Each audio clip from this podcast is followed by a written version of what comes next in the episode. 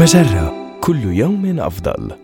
من هارفارد بزنس ريفيو أحد مواقع مجرة. إليكم النصيحة الإدارية اليوم.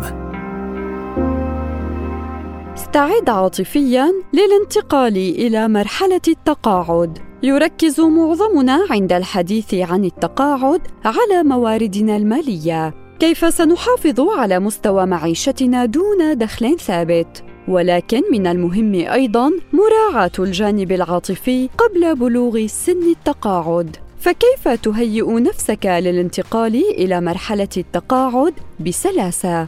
تعد العلاقات الوثيقة أكبر مؤشر على السعادة. لذا استثمر في علاقاتك مع أفراد أسرتك وأصدقائك. ومع اقترابك من نهاية مشوارك المهني، اهتم بإنشاء شبكة علاقات خارج أسوار العمل من خلال أشياء مثل العمل التطوعي في مجتمعك أو ممارسة الهوايات التي تتضمن وجود شركاء أو مجموعات أو من خلال توجيه رواد الأعمال الناشئين أو غيرهم في مجالك. يمكنك أيضا الالتحاق بعمل مؤقت أو بدوام جزئي كاستشاري أو عضو في مجلس إدارة شركة أو مؤسسة غير ربحية. وعلى الرغم من صعوبة الاستقرار على أحد هذه الخيارات، فإن التخطيط المسبق لكيفية استمرار مشاركتك في الحياة العامة والشعور بالإنجاز والتواصل مع المجتمع عند دخولك هذا الفصل الجديد من حياتك